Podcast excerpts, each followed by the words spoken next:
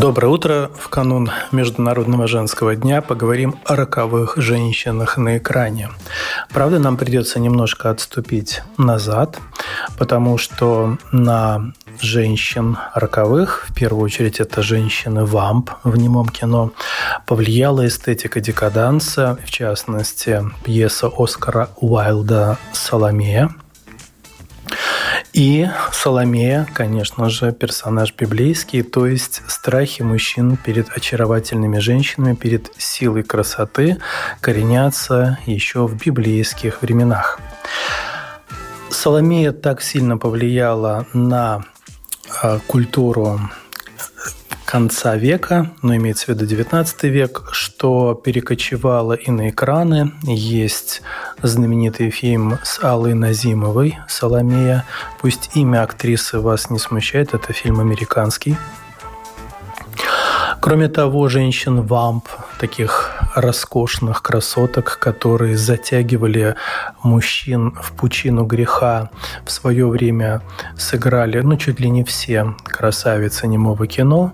Особо нужно отметить фильм «Голубой ангел» с Марлен Дитрих, не потому что Марлен Дитрих самая роковая из всех роковых, а потому что фильм поставлен по повести Генриха Манна «Профессор Унрад», которую потом экранизировали неоднократно вплоть до, по-моему, 81 года, когда за это произведение взялся Райнер Вернер Фасбиндер и с Барбарой Зуковой снял очень интересный фильм. Правда, действие перенес в послевоенную Германию. После женщин-вамп, роковых красоток, э, когда разразился кризис, э, фокус режиссеров чуть-чуть сдвинулся, сдвинулся в область э, преступных группировок, гангстеры, тимены, и, естественно, появляется женщина, которая каким-то образом втягивает э, героев в мафиозные разборки, и появляется фам-фаталь, роковая женщина, и это расцвет роковых красоток в мировом кино.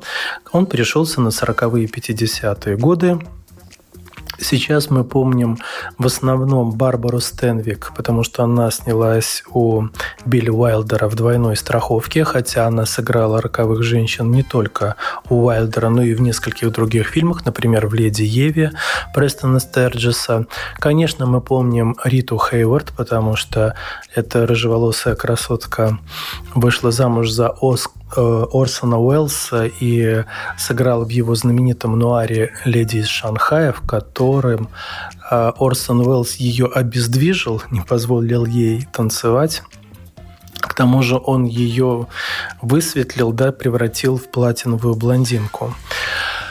А, и фильм загадочным остается до сих пор, то есть до конца разобраться в мотивах и во всех хитросплетениях э, сюжета не так-то просто. А, нуар так сильно э, отразился выразил, точнее, да, настроение э, своего времени, что как только состояние общества начинало колебаться, да, возникали какие-то кризисы, а режиссеры первым делом вспоминали об опыте нуара и каким-то образом его воскрешали. То есть, если классический нуар закончился в 50-е, потом уже в 60-е начинается неонуар, 70-е, 80-е пост-нуар. Ну и сейчас у нас, я даже не знаю, как это назвать, но отголоски слышны до сих пор.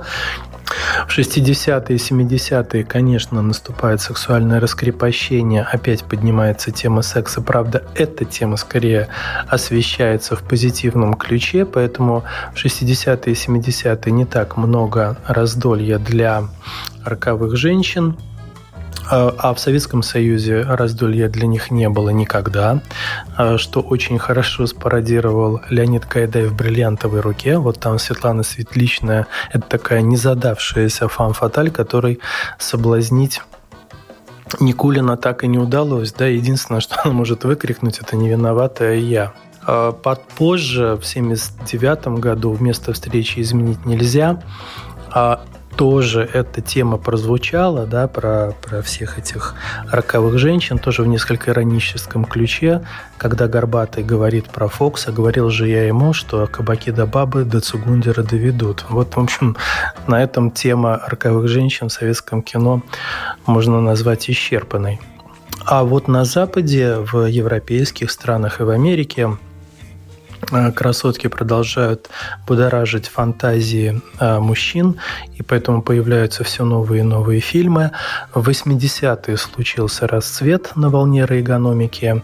В частности, появляется «Жар тела» с Кэтлин Тернер. Ну, сейчас об этом фильме не очень Э, часто вспоминают, потому что его затмили э, постнуары 90-х годов. В первую очередь, конечно, основной инстинкт Пола Верхувена, но были и другие фильмы. Был, конечно, великолепный «Синий бархат» Дэвида Линча, тоже певичка, кстати, как в «Голубом ангеле», только тут она соблазняет, невольно, скажем, соблазняет не учителя, а ученика – и здесь образ меняется. Если фан фаталь 40-х, 50-х годов – это женщина, которая действует очень холодно и расчетливо, стравливая мужчин, чтобы как-то выпутаться из э, клубка преступлений, куда-то сбежать с деньгами, развести всех и Э, исчезнуть, спрятаться, перекраситься и в корне там как-то изменить свою судьбу, то в 80-е годы часто это женщины, которые сами являются жертвами и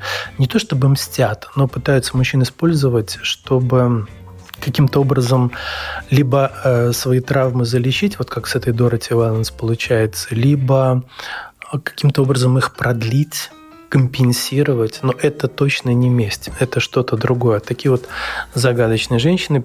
А из таких вот необычных фам фаталий можно вспомнить фильм Рольфа Дехира «Проект Александры», где женщина очень изощренно мстит э, своему мужу. А сейчас, конечно, опять же, про проект Александры не вспоминают, потому что у нас теперь очень яркий образец подобного поведения. Это фильм Gone Girl, а, то есть «Исчезнувшая» с э, Розамунд Пайк. А, возвращаясь в 19 век, вспомнили, что у Шерлока Холмса была любовь Ирен Адлер, и хотя у Конан Доля она вовсе не роковая женщина, но теперь ее в такую превратили и в сериале, и в фильмах Гая Ричи. Кроме того, воскрешаются, конечно, и женщины вамп. И тут, мне кажется, больше всех повезло а, Кристен Данст, потому что она сумела сыграть и женщину вамп, точнее девочку вамп в интервью с вампиром, и роковую красотку в нуаре «Смерть в Голливуде», который в оригинале назывался «Кошачье мяуканье», а также в фильме по повести Патриции Хайсмит «Два лика января», где она крайне неоднозначно и до конца не раскрыто. Конечно, стоит упомянуть и Скарлетт Йоханссон, которая сыграла в Under the Skin. Правда, Назвать ли это женщиной, она все-таки инопланетянка, но в образе Скарлетт Йоханссон. А на русский перевели «Побудь в моей шкуре». И, естественно, братья Коэны, которые очень любят нуары и любят над ними издеваться. И, в частности, Фрэнсис Макдорманд снялась у них в фильме «После прочтения сжечь», где фам фаталь ее такой роковой женщины, ну, действительно роковой, потому что гора трупов в итоге образовалась, а, оказалась обычная работница фитнес-клуба. И другая фам фаталь у Коинов, это, конечно, Кэтрин Зетта Джонс, а, которая поедает мужчин, там бесконечно выходит замуж и разводится, что ясно уже по ее имени, Мерлин Гамильтон, Рексред, Дойл, Месси. Это фильм «Невыносимая жестокость». Ну, а я вам советую такими жестокими никогда не быть. С наступающим праздником. С вами был Вадим Агапов, Домская площадь по воскресеньям.